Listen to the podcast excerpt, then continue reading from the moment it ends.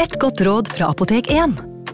Nå er snart pollensesongen i gang, og et godt råd til deg som sliter med pollenallergi, er å begynne behandlingen i god tid før allergisesongen starter.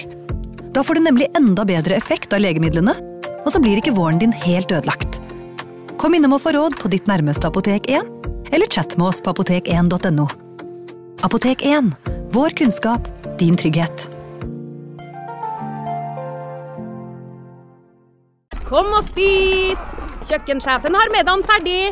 Vi kommer! Vi skal bare Åh, det er da så morsomt her på Stiklestad! Ja, men sjøl en god viking må ha både mat og hvile. Og dessuten kan dere nå være noen dager. Velkommen til Scandic Stiklestad. Moderne fasiliteter i historiske omgivelser. Det var her det skjedde. Det er her det skjer.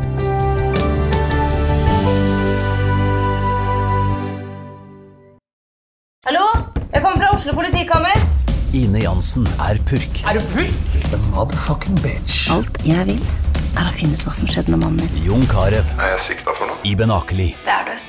Ole So, Lars Berrum og Big Daddy Karsten. Hvem sin side er du på, egentlig? Anette Hoff, Tone Danielsen, Kommer du fra Afrika? Jørnis Josef, Nesten kløfta. Trond Espen Seim, Det er synd å si det, men det var feil mann som døde. Purk. Premiere tirsdag på TV2 Play. Advarsel. Historien du nå skal få høre, er basert på virkelige hendelser og inneholder flere grafiske skildringer av vold, drap og tortur. Vi advarer mot sterke inntrykk i deler av episoden.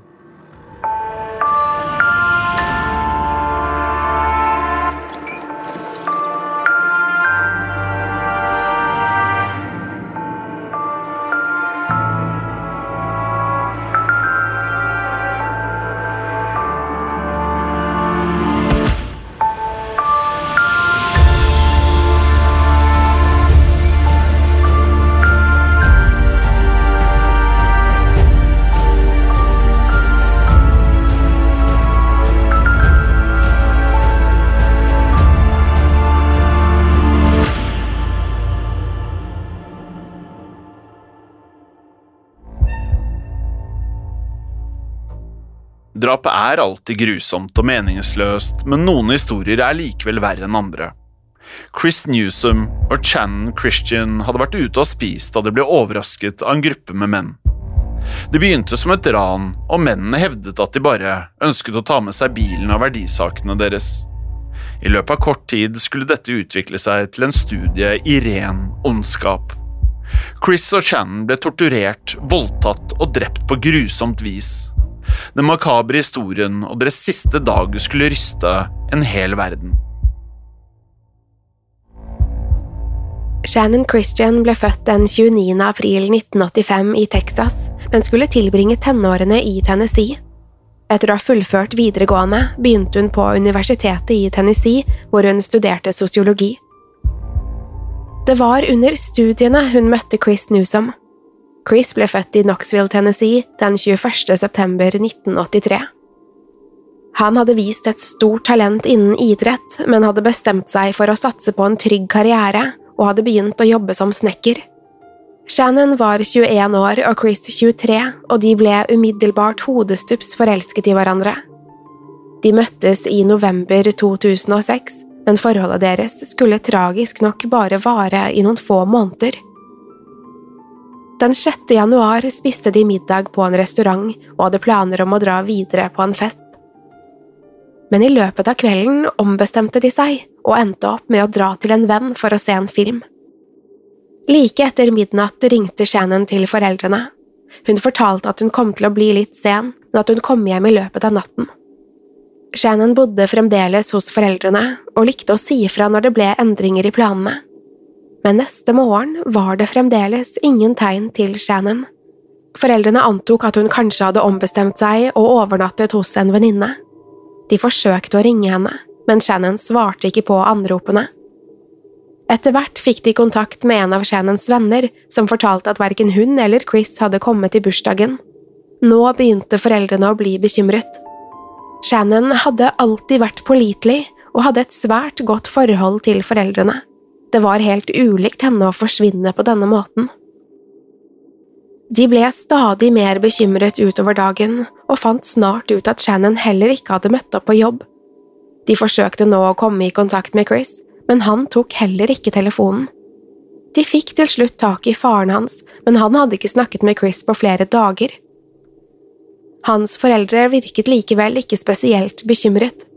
Chris var tross alt 23 år, og det var ikke uvanlig at han ble ute til langt på natt eller sov over hos noen kompiser. Shannons foreldre var nå overbevist om at noe hadde skjedd med datteren, og bestemte seg for å ringe politiet. De kunne ikke registrere Shannon som savnet før det hadde gått 24 timer. Foreldrene begynte derfor å lete etter Chris og Shannon på egen hånd. Moren hennes tok blant annet kontakt med mobilselskapet for å finne ut hvor telefonen hennes befant seg. De kunne snart informere om at den siste aktiviteten var registrert i en annen del av byen som var spesielt beryktet. Foreldrene så ingen grunn til at Shannon skulle dra hit, men de bestemte seg for å undersøke adressen de fikk oppgitt. Det tok ikke lang tid før de fikk øye på bilen til Shannon, men datteren deres var fremdeles ikke å spore opp. Moren hennes la med en gang merke til at det var søle over hele gulvet. Dette gjorde henne bare mer mistenksom, da bilen vanligvis var plettfri. Førersetet var skjøvet langt bakover, som heller ikke var noe Shannon ville gjort. Ellers var bilen tom og så ut til å være strippet for alle Shannons eiendeler. Foreldrene ringte nok en gang til politiet og informerte om at de hadde funnet Shannons bil. De kom snart for å undersøke bilen og forsøke å spore opp Shannon og Chris.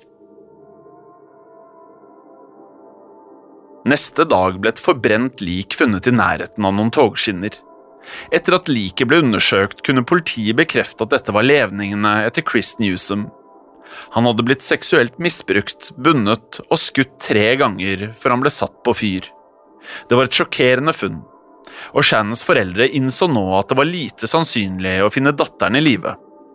De fryktet at hun hadde blitt utsatt for samme grusomme behandling som Chris. Det var søle under føttene hans som tydet på at han hadde gått barbeint langs togskinnene før han ble drept. Kroppen hans hadde blitt pakket inn i en dyne, og han hadde i tillegg en genser surret rundt hodet. Deretter hadde han blitt dynket i bensin. Da han ble funnet, var kroppen hans kraftig forbrent. Politiet lette nå desperat etter Shannon, og etter å ha undersøkt bilen hennes fant de fingeravtrykkene til LeMarcus Davidson. Davidson var allerede en kjenning av politiet og hadde tidligere sittet i fengsel for biltyveri og narkosalg. Han leide nå en leilighet i nærheten av der bilen ble funnet. Politiet bestemte seg for å undersøke leiligheten, og her fant de snart Shannons livløse kropp. Det var blod på gulvet, men det var måten hun ble funnet på som var mest sjokkerende. Shannon hadde blitt gruppevoldtatt, bundet og kvalt. Hun hadde blitt påført store skader, og særlig mot hennes kjønnsorgan. Etter å ha blitt utsatt for grusomme overgrep ble hun pakket inn i plastsekker og ble kastet inn i en søppelkasse. Det var et av de mest grusomme åstedene i manns minne. Rundt om i leiligheten fant politiet flere av Chris og Shannons eiendeler. De var aldri i tvil om at Davidson var ansvarlig for drapene, men det var samtidig tegn til at han ikke hadde handlet alene. Leiligheten ble beskrevet som en svinesti. Det var rot og møkk overalt, men det var ingen tegn til Davidson selv. Dette ble begynnelsen på en storstilt jakt på den mistenkte. I leiligheten fant de også eiendeler knyttet til en mann ved navn George Thomas. Han ble snart etterlyst og ble også vurdert som en mistenkt i saken. Politiet lærte snart at Davidson hadde en kjæreste som også hadde bodd i leiligheten. De fikk snart tak i henne og tok henne inn til avhør. De ønsket å finne ut hvor Davidson befant seg og hva hun visste om drapene. Hun kunne fortelle at Davidson hadde fått besøk av broren sin, Letalvis Cobbins. Davidson hadde nylig sluppet ut av fengsel og hadde ikke sett Cobbins på lang tid. De ble derfor enige om å feire nyttår sammen, men Cobbins hadde endt opp med å bli lengre enn forutsett. Cobbins hadde med seg kompisen George Thomas og kjæresten Vanessa Coleman. De var hjemløse, og alle de besøkende var lut fattige. De hadde forsøkt å snylte på Davidson, noe som gjorde han rasende. Dette gikk likevel verst utover hans egen kjæreste, som til slutt fikk nok og bestemte seg for å dra. Hun forlot leiligheten dagen før Shannon og Chris forsvant. Dette var antageligvis med på å gjøre Davidson enda mer rasende. Siste gangen hun så Davidson, var den 7. januar. Han var da på vei til kompisen Eric Boyd. Etter å ha pratet med Boyd lærte politiet nå hvor Davidson oppholdt seg. Det ble kalt inn et spesialtrent SWAT-team for å arrestere Davidson. De grusomme drapene gjorde at politiet anså han som en svært farlig mann, og de ønsket ikke å ta noen sjanser.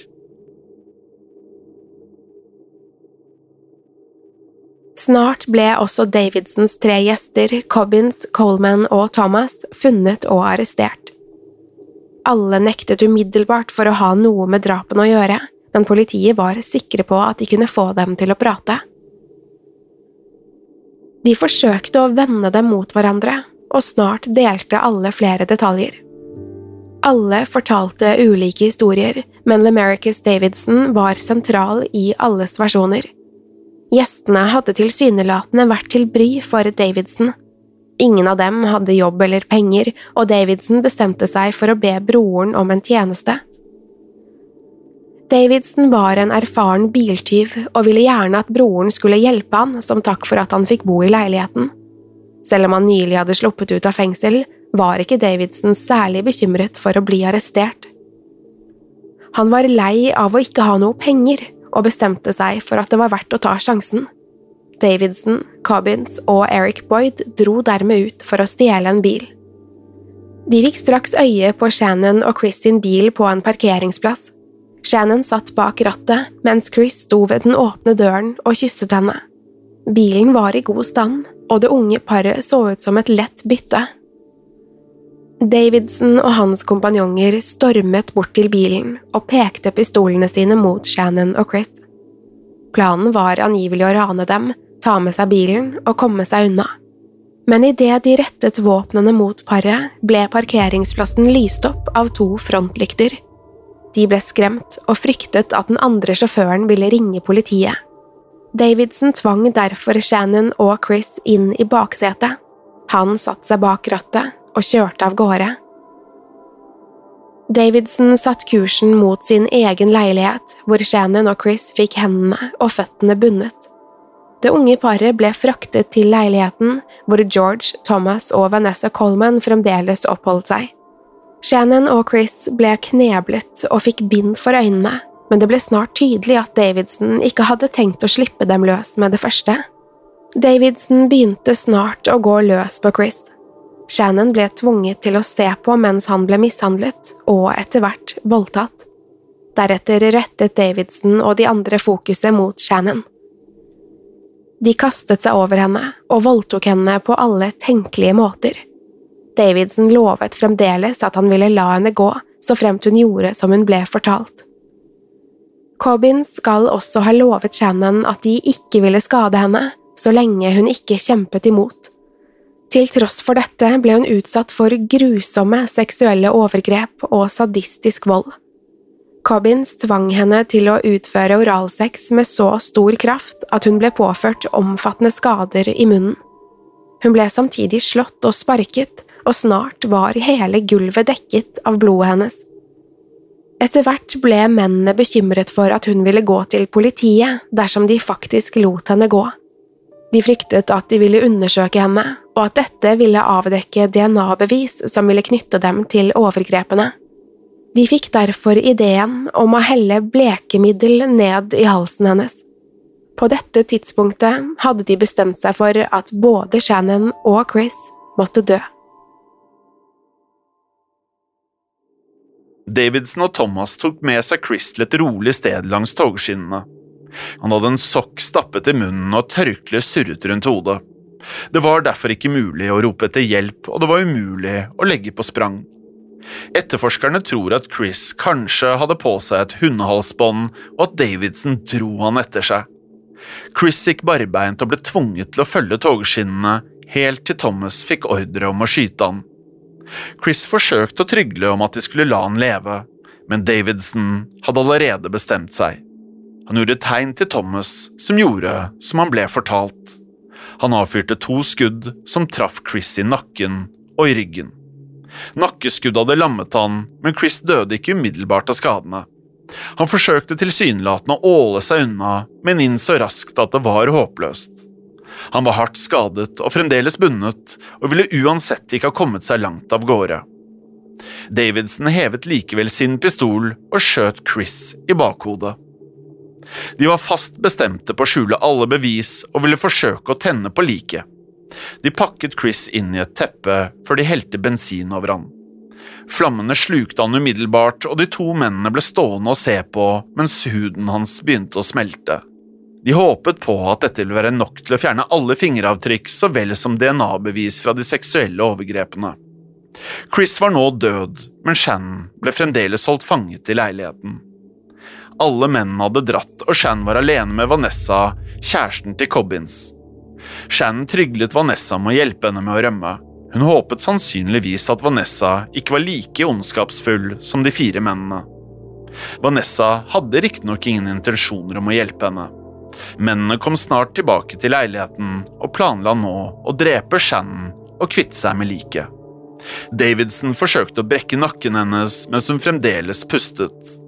De bestemte seg likevel for å etterlate henne i den tilstanden. Hun fikk hendene og føttene bundet sammen og ble pakket inn i plastposer. Deretter ble hun dumpet i en søppelkasse på kjøkkenet. Hun forsøkte desperat å komme seg ut, men endte til slutt opp med å bli kvalt til døde i søppelkassen. Det var en grusom og tragisk slutt på livet til de to unge, uskyldige menneskene. De var på feil sted til feil tid og ble offer for noen av de verste og mest brutale drapene i moderne tid. Det er nesten ubegripelig hvordan et ran kan eskalere til den typen sadisme og ondskap. Davidson virket riktignok ikke spesielt preget av hendelsen. Etter drapene dro han for å treffe kjæresten sin og forsøkte å gi henne flere av Shannons eiendeler som gave. Han hadde selv på seg skoene til Chris og tok også i bruk mobiltelefonen hans. Til tross for de brutale forsøkene på å fjerne alle bevis, var politiet snart på sporet av Davidson og de andre gjerningspersonene. Etter en intens etterforskning ble alle brakt inn til avhør, og snart ble de siktet for drapene. De fem mistenkte ble tiltalt hver for seg. Etterforskerne hadde alltid følt at LaMarcus Davidson var lederen i gjengen, og ville forsikre seg om at han fikk den strengeste straffen.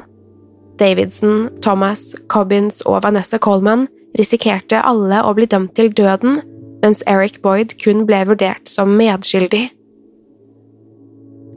Eric Boyd var den første som ble stilt for retten. Han ble funnet skyldig i medvirkning til biltyveriet, som igjen hadde ledet til dødsfallene. Boyd var også tiltalt for å ha unnlatt å melde fra om hvor Davidson og de andre hadde oppholdt seg. Han ble funnet skyldig og dømt til å sone 18 år i fengsel. LeTalvis Cobbins ble funnet skyldig i drapet på Shannon og medvirkning til drapet på Chris. Han ble også dømt for å ha voldtatt Shannon, men han hadde ikke tatt del i overgrepene mot Chris. Cobbins ble dermed dømt til livstid i fengsel. LeMarcus Davidson ble også funnet skyldig, og mottok dermed dødsstraff. Under rettssaken påpekte dommeren at drapene var blant de mest grusomme og sadistiske han noen gang hadde vært borti. Davidson hadde orkestrert det hele, og så heller ikke ut til å vise anger for sine gjerninger. Han ble særlig sjokkert av at tilsynelatende normale mennesker kunne utføre så ekstrem og umotivert ondskap mot andre. Dommeren mente at Davidson fortjente å bli dømt til døden, men at selv dette opplevdes som en mild straff basert på de forferdelige handlingene. George Thomas ble funnet skyldig og mottok også en livstidsdom for kidnapping, voldtekt og drap. Vanessa Coleman var den siste som ble stilt for retten.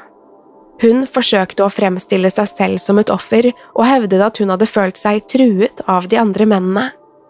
Vanessa hevdet at hun skulle ønske hun hadde hjulpet Shannon med å flykte fra leiligheten, men at hun ble fullstendig lammet av frykt. Hun klarte likevel ikke å overbevise juryen om dette. Hun ble dømt for sin rolle i drapet på Shannon Christian og mottok en fengselsstraff på 35 år. Hennes forsøk på å anke dommen har foreløpig blitt avvist.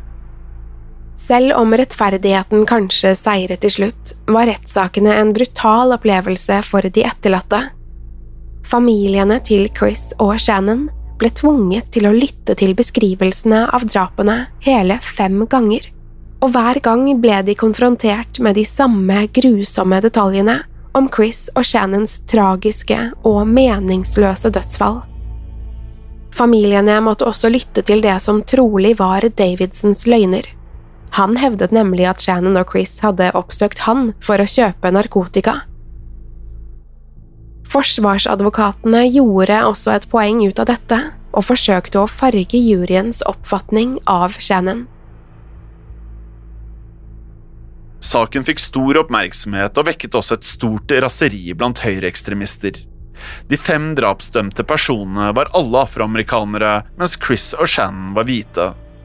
Flere som var knyttet til White Power-bevegelsen, brukte derfor drapene for å spre hat og splitte samfunnet.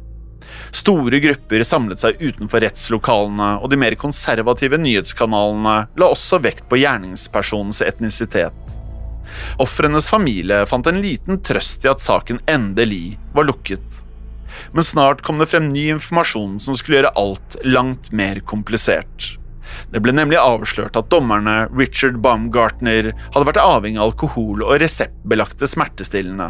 Sannsynligvis hadde han også vært påvirket av dette under rettssakene. Mange følte derfor at han ikke hadde vært i stand til å gjøre en tilfredsstillende vurdering av saken. Han ble derfor tvunget til å trekke seg tilbake, og den nye dommeren følte at det var nødvendig å gjennomføre nye rettssaker. Dette betød at Chris og Shannons familier nok en gang måtte lytte til fortellingene om de grusomme drapene. Utfallet ble riktignok det samme, og LeMarcus Davidson ble nok en gang dømt til døden. Etter de nye rettssakene mot Davidson, Cobbins, Thomas og Coleman bestemte påtalemyndighetene seg for å endre Eric Boyds tiltale. Han hadde tidligere blitt dømt for medvirkning til drap, men etterforskerne hadde grunn til å tro at han hadde vært til stede under voldtektene og drapene. Han ble derfor tiltalt for ran, kidnapping og voldtekt, og mottok dermed en livstidsdom. De grusomme drapene på Shannon Christian og Chris Newsom blir ofte beskrevet som en av de mest forferdelige drapssakene i moderne tid. Dette blir naturligvis forsterket av at de bare var et forelsket par som var på feil sted til feil tid.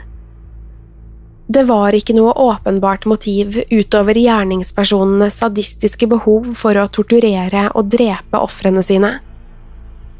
Det er skummelt å tenke på hvordan en kveld kan endre alt. Tilfeldighetene ledet Shannon og Chris til samme parkeringsplass som Donaldson og hans kompanjonger, og dette endte opp med å koste dem livet. LaMarcus Davidson, The Talvis Cobbins, Vanessa Coleman, George Thomas og Eric Boyd. Vi skriver dere alle inn i vår bok av syndere.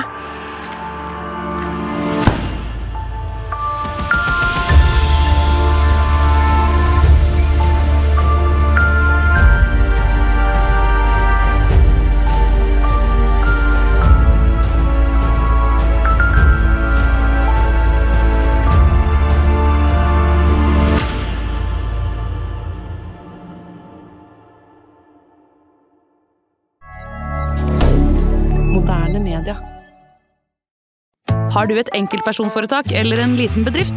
Da er du sikkert lei av å høre meg snakke om hvor enkelt det er med kvitteringer og bilag i fiken, så vi eh, gir oss her, vi. Fordi vi liker enkelt. Fiken superenkelt regnskap. Kiwi er billigst i VGs matbørs og har vært billigst i fire av de fem siste VGs matbørser. Og nå presser vi prisene på frukt og grønnsaker. På 200 gram broccolini setter vi prisen til 24,90. På 400 gram Cevita blåbær setter vi prisen til 49,90. Og husk, alle Kiwi Pluss-kunder får i tillegg 15% trumfbonus på all fersk frukt og grønt. For det er vi som er prispresserne. Og vi i Kiwi gir oss aldri på pris.